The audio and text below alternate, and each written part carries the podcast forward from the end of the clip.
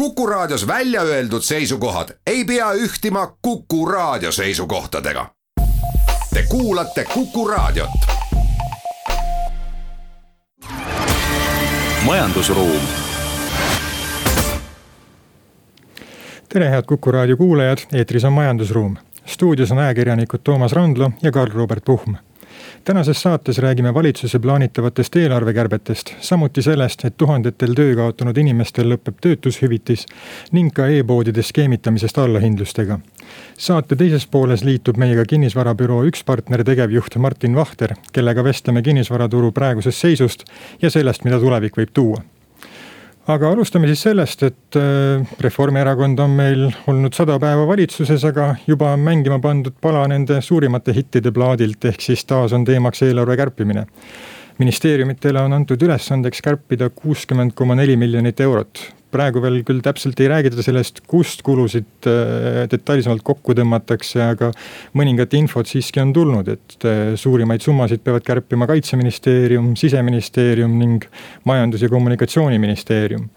Eelmisel nädalal räägiti ka sellest, et Politsei- ja Piirivalveametil tuleb äh, kuue koma ühe miljoni euro ulatuses kulutusi kokku tõmmata et kui me, kui me nüüd vaatame endale numbritele siin otsa ja, ja, ja mõtleme sellele ka, et äh, mis meie eelarve miinus siin sel aastal on ligi kaks miljardit ja järgmisel aastal äh, poolteist miljardit, siis siin mõnekümne miljoni euro kärpimine. kas see annab mingisugust tulemust, mis sina arvad, Karl? ja tere päevast no minu seisukoht on äh, selles küsimuses see, et kui me vaatame näiteks eelmise aasta RES-i mitte siis, mis võeti eelmise valitsuse poolt vastu, siis seal olid äh, prognoosimudelid hoopis teistsugused. ehk praegu, kui me räägime, et, et äh, tänavusel aastal võiks äh, eelarve defitsiit, nominaalne eelarve tasakaal olla miinuses, miinus üks koma kaks miljardit, siis äh, eelmise RES-i järgi oli see puudujääk peaaegu üks koma seitse miljardit. ja see, seda ei saavutata mitte sellest, et me vahepeal suudame viissada miljonit maha kärpida, vaid see prognoos, majandusprognoos lihtsalt mõjutab seda protsessi sedavõrd palju, et et ütleme, et eh, palju suurem osa tuleb sellest, kuidas, milliseks kujuneb Eesti majanduskasv. ja sellele kärpel on selline pigem ütleme sümboolne mõju ja siis ütleme, et vaadates neid kärpekohti, kust kärp, kärpeid on tehtud, siis tekib tõesti küsimus, et kas eh, need on kohad, kus selliseid sümboolseid kokkuhoide teha no just, et siin eh, on ju räägitud ka sellest, et huvihariduselt tõmmatakse seitse miljonit ära, et et äh,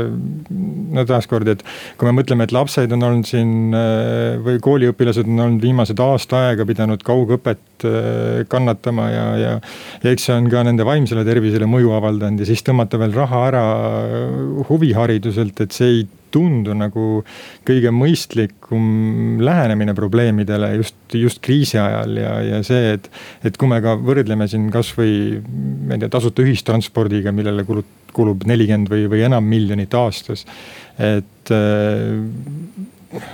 tundub, tundub nagu, et seal on justkui ka paremaid kohti kärpimiseks, aga, aga ikkagi minnakse nagu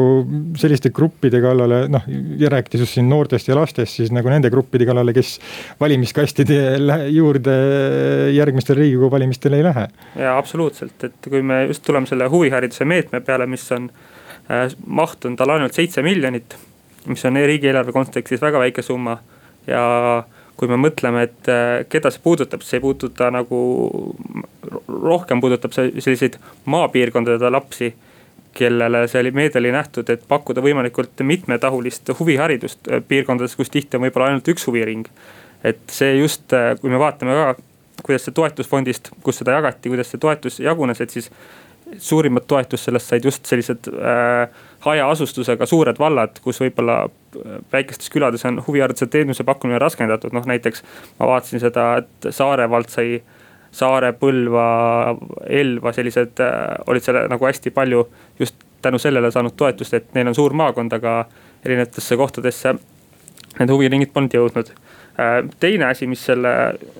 huvihariduse problemaatiliseks muudab, on selline riigi sõnum järjepidevusest, et kui riik kahe tuhande kaheksateistkümnendal aastal selle meetme nagu kehtestas täismahus siis et äh, see oli noh, põhimõtteliselt oli saanud juba kolm aastat nagu toimetada. kohalikud omavalitsused olid sinna mingisuguseid äh, huvitegevusi ja huviharidust nagu ütleme selle meetmega katma asunud. ja nüüd järsku ma sain aru, et KOV-idel polnud mitte mingit sisendit veel, veel kaks nädalat tagasi, et selline kärbe on plaanis teha ja nüüd järsku äh, öeldakse, et vaadake nüüd ise. okei okay,, ma saan aru, et KOV-idel võib-olla on nagu noh, võimalusi ka te, oma teistest tulu, tuluallikatest seda asuda ise katma, aga noh, ütleme, et. et ma ei tea, kas see nii äkiline sõnum nüüd see kõige mõistlikum oli, et pigem võib-olla oleks pidanud seda kuidagi pikemalt planeerima ja natuke rohkem nagu ettehoiatamise aega andma no ja olukorra absurdsust eh, illustreerib ka veel see, et kui ühelt poolt antakse politseile raha juurde palkade tõstmiseks, siis teiselt poolt võetakse raha ära ja, ja, ja nii palju, kui ma olen ka kuulnud, et siis. politseis käivad ka, Politsei- ja Piirivalveametis käivad ka praegu arutelud ja, ja vaadatakse ning vist kuu keskpaigaks äh, tahetakse paika panna, et kas või kust peab hakkama inimesi koondama, et noh, see on selline väga äh, halva signaali saadab valitsus ühelt poolt ka sellega ja teiselt poolt jällegi. et kui me siin vaatame ka piiri taha, et et äh, ja laiemalt, et praegu seda kriisi, kus me oleme, et siis noh, kriisi ajal peaks tegelikult mõtlema ka tarkadele investeeringutele, mis tulevikus kasu tooks, et ja kui me võrdleme siin teiste riikidega, et näiteks kuigi Saksamaa on tuntud laenu võtmist pelgava riigina, siis äh, nemad peavad laenuraha kasutamist kolmandat aastat järjest vältimatuks. Prantsusmaa pikaajaline eelarve, eelarvestrateegia näeb ette samamoodi majanduskasvu pidurdavate kasinusmeetmete vältimist. et äh, kas nüüd on noh, jällegi me oleme justkui selles olukorras, me tahame olla see viieline õpilane, kes on viks ja viisakas ja, ja, ja ütleme, et näed, me, me ikka suudame kärpida ja me kärbime, kuigi tegelikult. me võib-olla peaksime hoopis mõtlema sellele, et äkki noh, me oleme nagunii, eelarve on meil aastaid veel miinuses, et. et äkki me ikkagi mõtleme pigem targalt mingitele pikaajalisematele investeeringutele, mis äh, riiki aitaksid tulevikus ja et äh, täpselt sinna sama kohta, kuhu sina praegu oma jutuga äh, sihtisid, äh, suunas ka tegelikult opositsioon oma kriitika, et põhimõtteliselt kõik, ma rääkisin kolme suurima,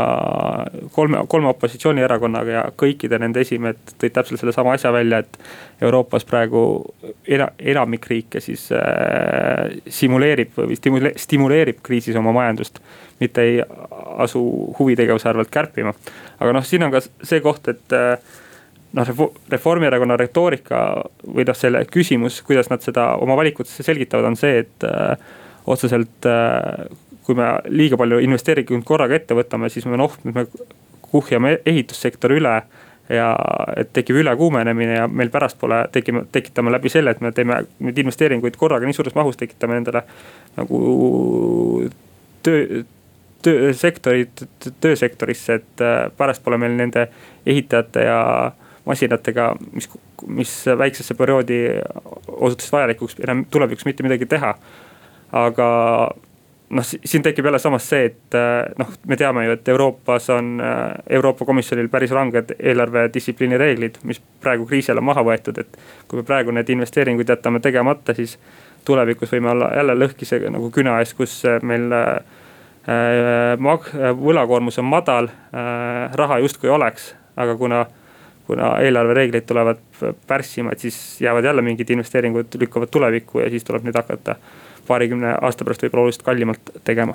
ei no täpselt jah, sul on õigus, et äh, me ei tea täpselt, millal Euroopa Liit hakkab fiskaalreeglite täitmist uuesti nõudma. ja, ja kas need üldsegi jäävad äh, endisel kujul kehtima, et äh, selles osas ikkagi tuleb ikka korrata ju seda, et head kriisi ei tohi jätta kasutamata, et aga, aga eks, eks meil tulevik näitab, et mis äh, valdkondi täpsemalt see kärpekirves kõige valusamalt tabab. meie aga teeme siinkohal väikese pausi. majandusruum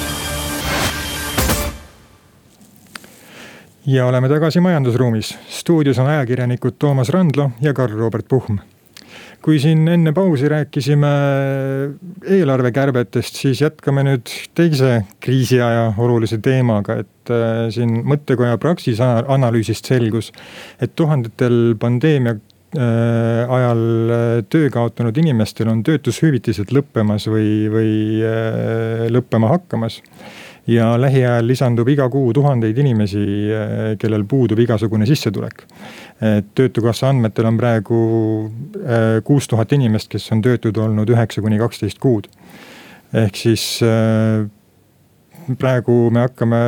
või hakkab mingi hulk inimesi tundma äh, veel valusamalt neid pandeemia ja kriisi mõjusid, et, et kui siin eelmisel aastal äh, pandeemia algas, siis äh, paljud ettevõtted hakkasid juba varakult kärpima ja koondama ja, ja. ja inimesed, kes siiamaani pole tööd leidnud, nemad on nüüd väga täbaras olukorras, et mis me siinkohal sinu hinnangul, mida riik peaks või saaks teha, et äh, aidata inimesi, kel, kes ei ole suutnud endale tööd leida ja, ja, ja kel nüüd kaob töötukassalt sissetulek ka ära? Jaa, et äh, tutvusin minagi selle Praxise analüüsiga ja mu suurim soov oli saada teada, et mis sektorites see äh, töötute arv nagu kõige suuremini on kasvanud, et kelle, kellel see oht äh, toetustest ilma jääda on kõige suurem. kahjuks seda nagu otseselt nagu sektorite kaupa ei olnud seal välja toodud, aga küll oli seal nagu üks lause, et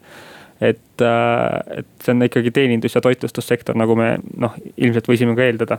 et ma ütleme, et nüüd, et olukorda võib-olla leevendab nüüd natuke see, et kui meil tõesti õnnestub siit Covid äh, kriisist väljuda, et siis need on nagu sektorid, mis võib-olla turism vähem, aga kindlasti toitlustus näiteks rohkem. mis uuesti äh, oma elurütmi suudavad taastada ja siis needsamad inimesed tõenäoliselt, kes, kes praegu saavad veel oma viimaseid hüvitisi, võiks uuesti nagu tööturul täpselt samasse valdkonda nagu siseneda, et kindlasti mitte enam täpselt äh, kõik need inimesed, aga noh, mingit leevendust võiks nagu ka see pakkuda, noh lugesin ka seda analüüsi, et ma ütleks, et riigi poolt võib-olla kõige tähtsam oleks just äh, äh, nagu analüüsida, et kust tekib vaesusrisk. ja võib-olla nagu neid meetmeid nagu kohaneda just sinna, et inimesi nagu täitsa vaesusest välja tuua. noh, selles, sellepärast ma äh, siin oma jutuga sinna, et mul on endal paar tuttavat äh,, nimesid nimetamata, kes äh, no, olid päris jõukalt tasustatud äh,. ütleme, et äh, noh, teenisid näiteks, see ei ole nüüd küll nende palk, aga ütleme, et kui inimene teenib kolm tuhat eurot, et siis töö töökindlustushüvitise katab talle esimese saja kaheksakümne päeva jooksul kuuskümmend protsenti. ja kolme tuhandest eurost kuuskümmend protsenti keelest arutame tuhat kaheksasada eurot ja ma tean inimesi, kes mõtlesidki juba vahepeal, et võtaks palgata puhkuse. Aga nüüd, kui nad said oma koondamisteate näiteks, olid väga õnnelikud, et, et äh, palgata puhkuse asemel on tuhat äh, kaheksasada eurot neil iga kuu arvel ja nüüd nad meeleldi tiksutavad see kuus kuud ära ja siis ja osadel nendest on isegi juba uus töökoht välja vaadatud. aga lihtsalt nad ütleme, elavad see kuus kuud riigi rahakoti peal, et siis äh, uuesti tööle minna, et kindlasti ma ei ütle, et seal kahekümne tuhandest kõik sellised inimesed on, aga selliseid näiteid jagub ka. Ei no absoluutselt jah, eks neid äh, kindlasti neid töötuid on ka väga seinast seina, aga, aga kindlasti ma julgen siinkohal spekuleerida, et ilmselt Äh, väga arvestatav osa nendest inimestest, kes on töötud ja kellel võib see töötushüvitis otsa lõppeda, on just need, kes on töötanud kuskil hotellides või, või üldiselt turismi valdkonnas. ehk siis äh, turism on ju see, mis pole meil praktiliselt üldse taastunud, et kui, kui teistes valdkondades on seda taastumist juba rohkem olnud, siis, siis turiste endiselt ei ole kui palju neid suvel üldsegi siia Eestisse jõuab, seda ka ei tea, aga, aga seal see taastumine on, on väga kesine, et, et võib-olla see on tõepoolest koht, kus, kus riik peaks, peaks mõtlema, et kas võib-olla seda töötuhüvitist mingitel, vähemalt mingis osas inimestel ka, ka pikendada. Aga kui hüpata siin korra nüüd ka veel teisele teemale äh, ja rääkida siis äh, e-poodides skeemitamisest täpsemalt siis sellest, et äh, möödunud aastal alustas Tarbijakaitse ja Tehnilise Järelevalve Amet e-poodide sooduskampaaniate kontrolli. ja eile teatas amet, et tänavu esimese kvartali jooksul oli üks enim tuvastatud rikkumisi tavahinna eksitav kuvamine tarbijatele. Probleem siis seisneb selles, et pood tõstab enne sooduskampaaniat hinnad üheks päevaks kõrgemaks, et näidata allahindluse suurust tegelikult suuremana piltlikult öeldes tähendab see siis seda, et äh, ütleme, et e-poes maksab kaup sada eurot umbes kaupmees tõstab selle hinna kaheks päevaks saja viiekümne peale, laseb uuesti saja peale tagasi. ja siis ütleb, et näed, vot viiskümmend euri on äh, kaup alla hinnatud ja, ja aga noh, see on tegelikult selline klientide petmine ja, ja selline kauplemis, kauplemisvõte ei ole tegelikult äh, lubatud, aga hoolimata sellest, et sellest on tegelikult ka nüüdseks juba aastaid räägitud, siis ega tegelikult endiselt seda tehakse, et äh, ma ei tea, on sul ka kokkupuuteid on olnud sellega? No minu meelest see e-kaubanduse klientide lollitamine allahindlustega on juba põhimõtteliselt e-kaubanduse algusest peale käinud, et noh tarbijakaitseamet tõi siin välja nagu selle skeemi, kuidas enne allahindlust tõstetakse uuesti hindu. aga noh, väga levinud meetod on näiteks see, et äh, ütleme, et poodi saabub uus kaup mis on võib-olla ütleme, et kas mingi uus telefonimudel või mis on värskelt välja tulnud. noh, näiteks kuu aega tagasi turule paisatud ja juba e-poes on märge, et alla hinnatud kakskümmend protsenti. noh, tegelikult, kui ma olen nagu seda Äh, telefoni nagu jahtinud, siis ma tean, et seda toodet seal varem polnudki, et kui ta müüki kohe tuli, et siis pannakse kohe see kahekümne protsendiline soodustus sinna külge, mis sest, et äh, sa pole kunagi seda täishinda veel maksnudki. et see on äh, vähemalt ma julgeks öelda, et isegi levinum nagu tarbijate hanitamine, kui, kui see, et enne kampaaniat tõstetakse hindu mul on endale ka jah, mitmed kahtlasemad näited silma jäänud, et äh, isegi ükskord ma sattusin ühe ühes veebipoes äh, hindu vaadates selle peale, kus ma vaatasin, ma isegi ei mäleta praegu konkreetselt, mis toode see oli. aga ma vaatasin seda hinda ja see hind oli jaburalt kallis ja ma mõtlesin, mis asi, kuidas, kuidas nad nii kallil seda müüvad. ja, vaatasin ka, et teised veebipoed pakuvad oluliselt odavamalt. ja ma arvan, ma võib-olla nädal hiljem sattusin uuesti sinnasamasse veebipoodi ja siis oli see toode muidugi äh, uuesti hind alla toodud ja, ja. ja äh, oli seda presenteeritud kui suurt sooduskampaaniat, et see on, see on tegelikult väga, väga nõme käitumine e-poodide poolt, et see on nagu koht minu meelest, kus inimesed peaksid kindlasti oma ka nii-öelda jalgadega hääletama, et, et kui, kui ikkagi on näha, et mõni e-pood niimoodi tegutseb, siis äh, vaadata ka teiste konkureerivate poodide pakkumisi. just absoluutselt, et tahtsingi siin väikse tarbijasoovituse anda, et äh, kui mingi eriti selline elektroonikatoode või toode, mida te teate, et on müügis paljudes kohtades, et siis kindlasti tasuks nagu kõik äh, ütleme, et äh, poed nagu läbi käia, kus, kus see nagu toodet võiks saada. Eestis on isegi portaale, kus saad äh, otsida toodet nagu kõikidest poodidest korraga ja siis neid hindu omavahel võrrelda, et siin jaburamad näited on olnud mul just endal, et vaatasin ühte toodet, mis maksis oli kallis toode, maksis peaaegu kaks tuhat, kaks tuhat viissada eurot väidetavalt ja oli alla hinnatud tuhande seitsmesaja euro peale. justkui silt oli juures kuu pakkumine ja siis, kui ma vaatasin äh, konkureerivate poodide täpselt sedasama toodet, siis see allahinna, allahinnatud hind oli kõikides teistes poodides ka täpselt sama ehk ehk, ehk kui me selle asja kokku võtame, siis see toote tegelik hind oligi see, mis, mida presenteeriti justkui mingi kuupakkumise all, et kõik konkureerivad poed müüdi, müüsid seda toodet täpselt sama hinnaga, nii et siit jah, võiks soovituse anda, et kui mingit kaupa on plaanis osta, et siis eriti interneti teel, et siis on väga lihtne on teha paar äh, nupuvajutust ja võtad korraga mitu pakkujat lahti see on jah, et äh, kindlasti tarbijatel tasub olla tähelepanelik selliste kauplemisvõtete osas. aga meie siinkohal nüüd teeme väikse pausi, kuulame uudiseid ja oleme pärast seda tagasi. majandusruum jätkame saatega. stuudios on ajakirjanikud Toomas Randlo ja Karl-Robert Puhm. meiega on nüüd liitunud kinnisvarabüroo üks partner, tegevjuht Martin Vahter, tervist. tervist. viimastel kuudel on palju räägitud sellest, kuidas nõudlus kinnisvara järele on kasvanud, aga pakkumine pole järele jõudnud. põhjuseks siis see, et möödunud aastal panid koroonakriisi tõttu osad arendajad ehituse pausile ja paljud inimesed lükkasid ostuplaanid edasi. nüüd tahavad inimesed osta, aga arendajad ei jõua järele eile kirjutati Statistikaameti blogis, et äh, kinnisvara ostetakse sellise hooga, justkui hakkaks, äh, hakkaksime jõudma uuesti kahe tuhande kaheksandasse aastasse, kus lõpuks lõhkes kinnisvaramull. ka Eesti Pank hoiatas täna, et kinnisvaraturg võib hakata üle kuumenema. Äh, Martin Vahter, mis siis kinnisvaraturul toimub, et kas meil on uus mull või ülekuumenemine või mis toimub? jah, siukseid kergeid kahe tuhande kuuenda, kahe tuhande seitsmenda aasta tunnuseid on märgata, aga noh, need otseselt ikkagi võrreldavad nüüd ei ole, et tookord toimus see kinnisvararalli kõik sellise nagu laenuraha eest, et äh, täna seda laenuraha nii lihtsasti ei anta.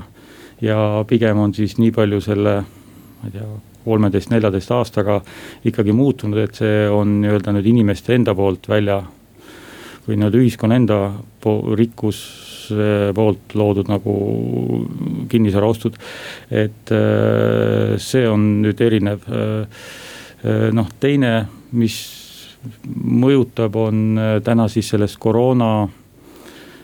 ma ei tea, kriisist ja siis sellisest lockdown'ist tulenev inimeste sellise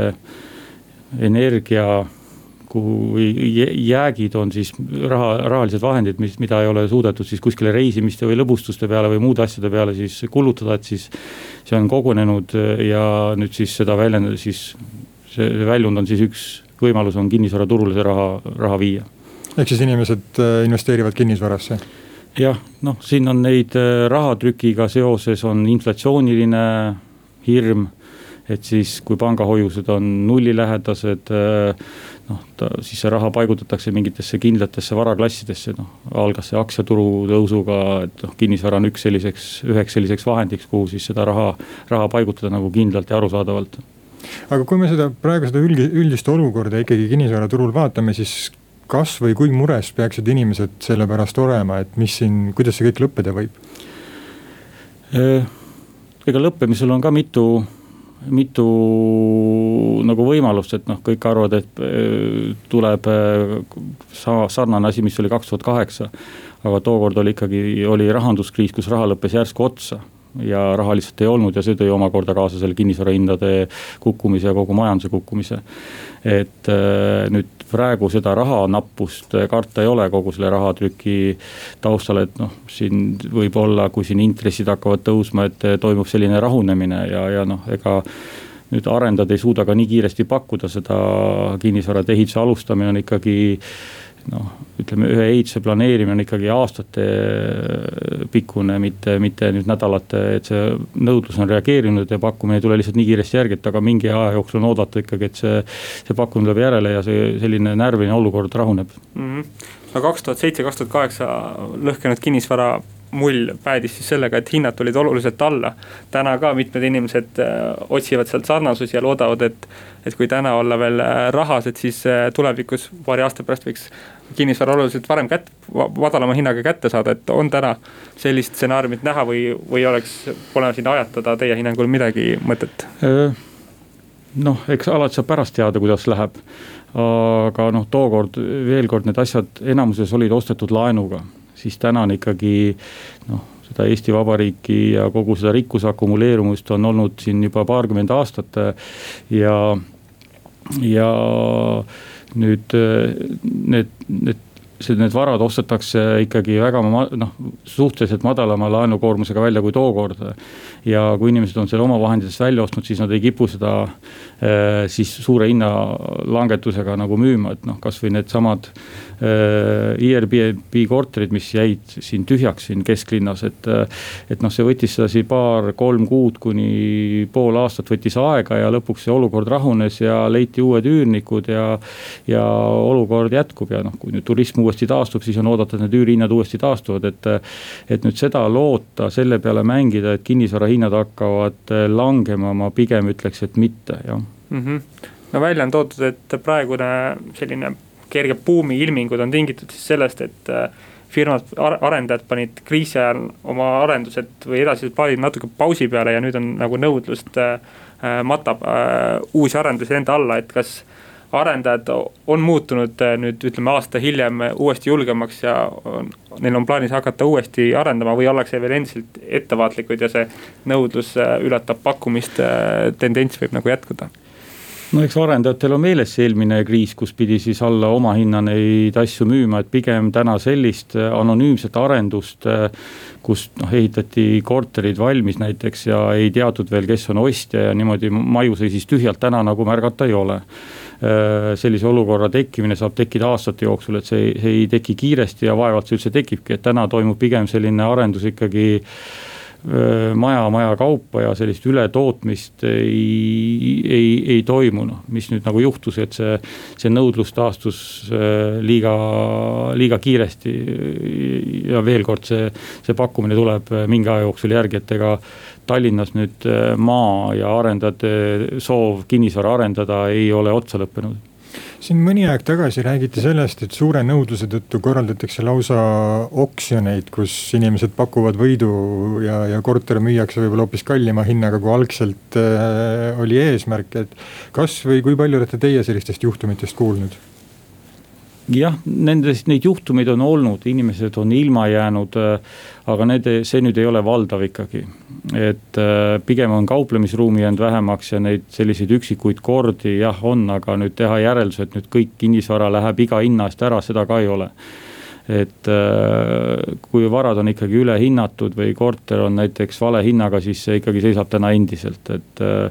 et noh, kuskil on ikkagi selline fundamentaalne hind ka sellel, mis on siis krundi hind pluss ehitusmaksumus pluss siis arendaja mõistlik kasum, et. et ega igat asja nüüd, nüüd ikkagi ära ei osteta täna jah Äh, millised, äh, milline kinnisvara siis praegu kõige paremini kaubaks läheb? noh, eks inimesed on ajas muutunud mugavamaks ja nad pigem eelistavad täna uut, et see uus oli kunagi kümme protsenti, siis tõusis kahekümnele, siin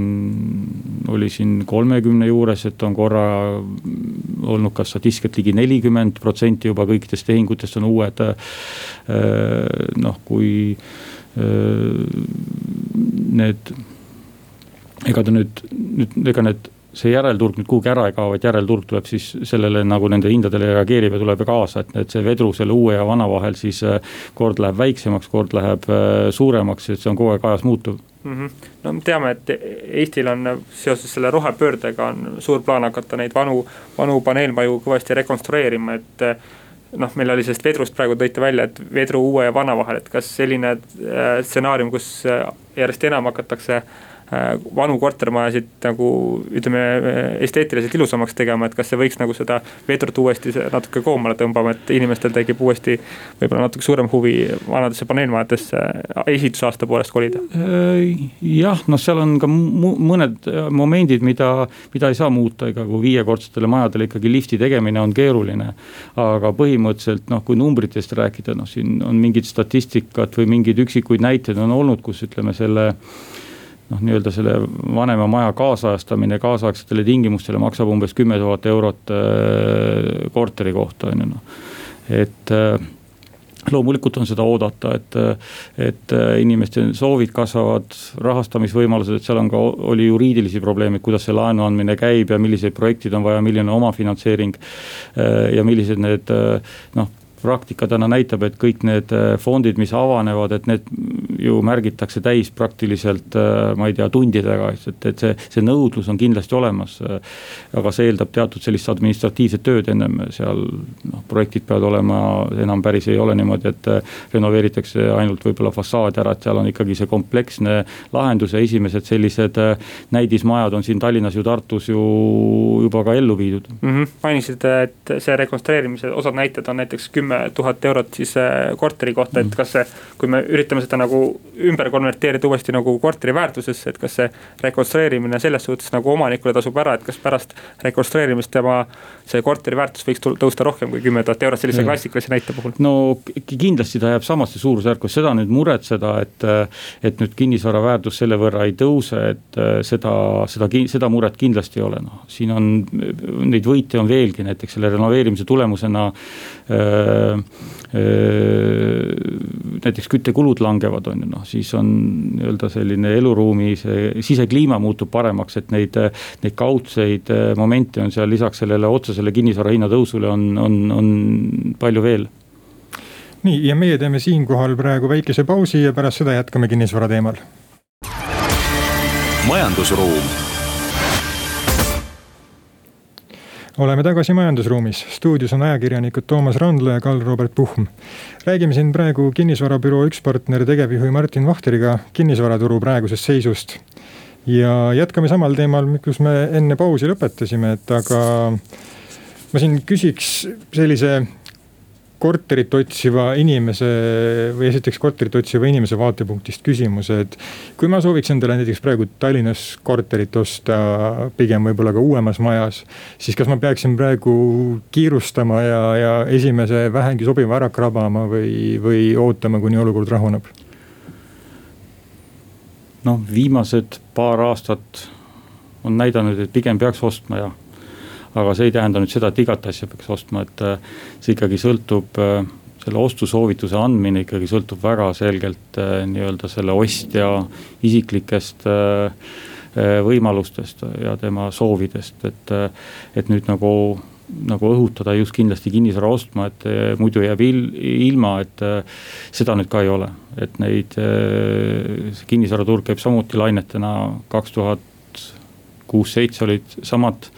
märgid, kaks tuhat üheksa, kümme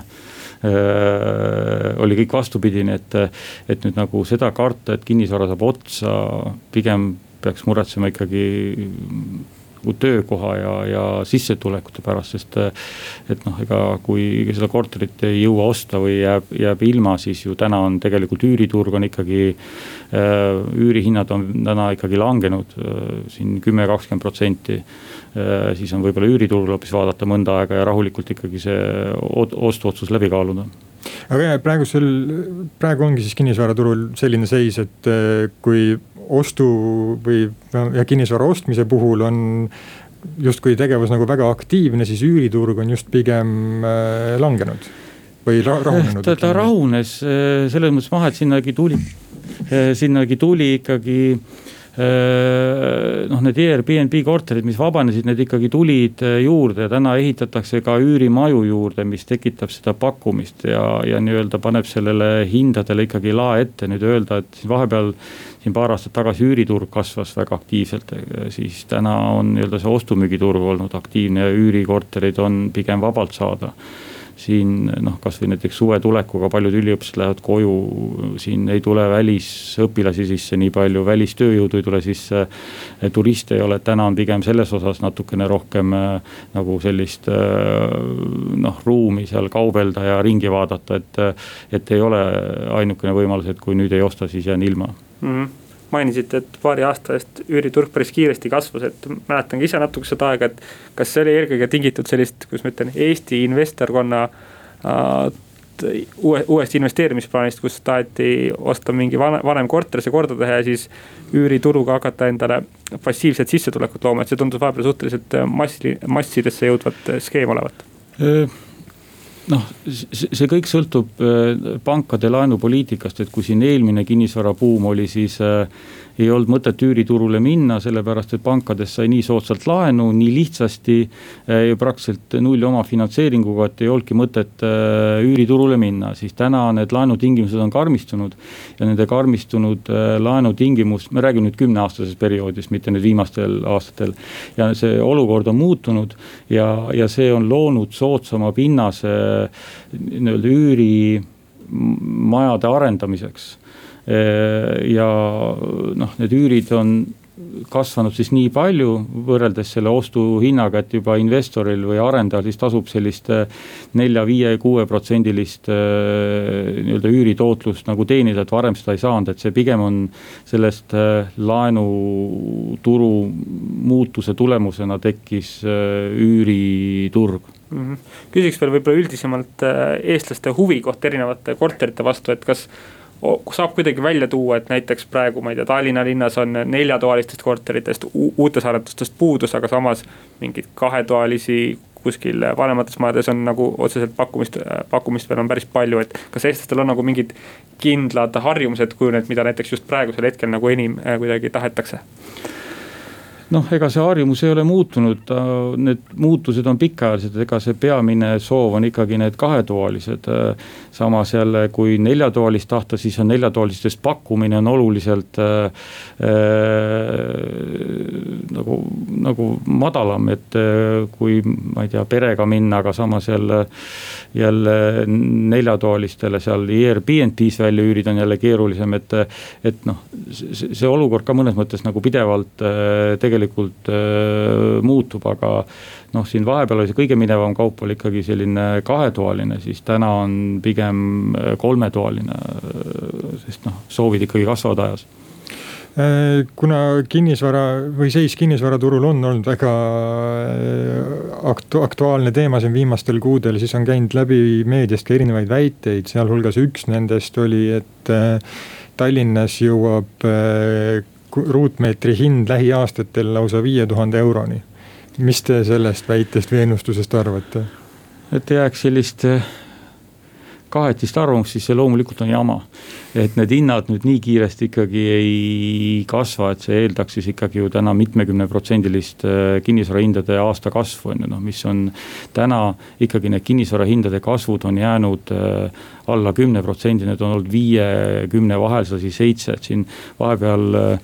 kolmteist, neliteist olid siin kümne, viieteist protsendilised, et see, mis täna tegelikult on kinnisvara hindade kasv, et see on tegelikult ei ole midagi noh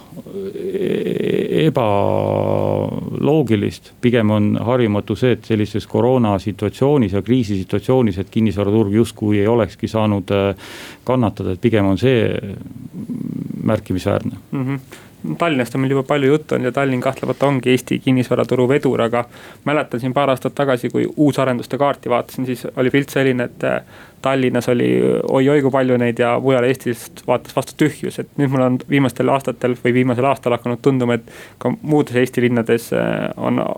uued arendused äh, mingil määral pihta hakanud, et. kas see minu arusaam on õige ja mis need linnad siis on, kuhu arendajad veel peale Tallinna julgevad Eestis minna? Noh, üks hea näitaja on muidugi rahvastiku kasv, et ega see kinnisvaraturg kipub äh, aktiivne olema seal, kus inimesi tuleb juurde ja neid kohti väga palju ei ole, siin on Tallinn, Tartu, Pärnu. noh, siin on Rakveres on mõned asjad, kindlasti on siin mõned linnad veel leiab, äh, kus tehakse uus arendus, aga see kipub ikkagi nii olema, et kuhu need tõmbekeskused ja kuhu inimesed tahavad äh, elama tulla, et seal ka seda uusarendust äh, tehakse, et äh, noh, loomulikult on nende regioonidega ja ka ta, väljaspool Tallinna on see, et sinna tuleb raha kõige viimasena ja lahkub kõige esimesena. kui enam Tallinnasse ei jaksa osta, siis hakatakse ostma Tallinna lähiümbrusesse ja hakatakse seal arendama ja kui, kui peaks kinnisvaraturul toimuma mingi, mingisugune tagasilöök, siis sealt lahkuvad kõige esimesena need investorid, et, et noh, nii ka seekord et äh, kui siin nüüd veel äh, vaadata tulevikku ja rääkida kinnisvaraturu tulevikust ja mis see, mis see võib tuua, siis äh, sügisel saab märkimisväärne hulk inimesi oma teisest sambast, pensioni teisest sambast raha välja võtta. et millist mõju see võib avaldada ja kas see veel kuumendab või muudab seda olukorda kinnisvaraturul veel pingelisemaks või kriitilisemaks? Noh, kindlasti ta ei rahusta kinnisvaraturgu, aga nüüd öelda tänases situatsioonis, kus intressid on nullilähedased, rahatrükk toimub, et. et see nüüd kuidagi trumpaks üle seda, seda nüüd ka nagu öelda, et neid tegureid on täna, mis kinnisvaraturgu mõjutavad, on. on rohkem kui see juurde tulev raha, siin on räägitud noh, mingisugusest kolmesaja miljonist eurost, mis võiks kinnisvaraturule tulla noh, see keskmine summa on ikkagi kaheksa tuhat eurot, millest räägitakse. et noh, ta soodustab siin võib-olla, ma ei tea, kaasad panevad seal rahad kokku, et äh, võib-olla makstakse mingi laen tagasi. et see kõik ei tähenda, et see kohe inimesed tormavad notarisse, et siin selle kinnisvaraturule võib ka see olla, et äh, näiteks remonditakse maja soojustus ära või noh, kui me mõtleme, mida kaheksa tuhande euro eest saab, ega sellest väga palju muidugi ei saa. Noh, tegelikult saaks Mustamäe kahetoalise korteri remontida, võib-olla keegi saab endale natukene ägedama köögi äh, korterisse osta, et noh, need on need suurusjärgud, et palju need nüüd mõjutavad seda äh, turgu on praegu raske öelda jah, selline on siis seis meil kinnisvaraturul ja saab siis näha, milline see tulevik saab olema, et meil oli külas kinnisvarabüroo üks partner, tegevjuht Martin Vahter, aitäh tulemast stuudios olid ajakirjanikud Toomas Randlo ja Karl-Robert Puhm. majandusruum on jälle eetris järgmisel nädalal. head päeva. majandusruum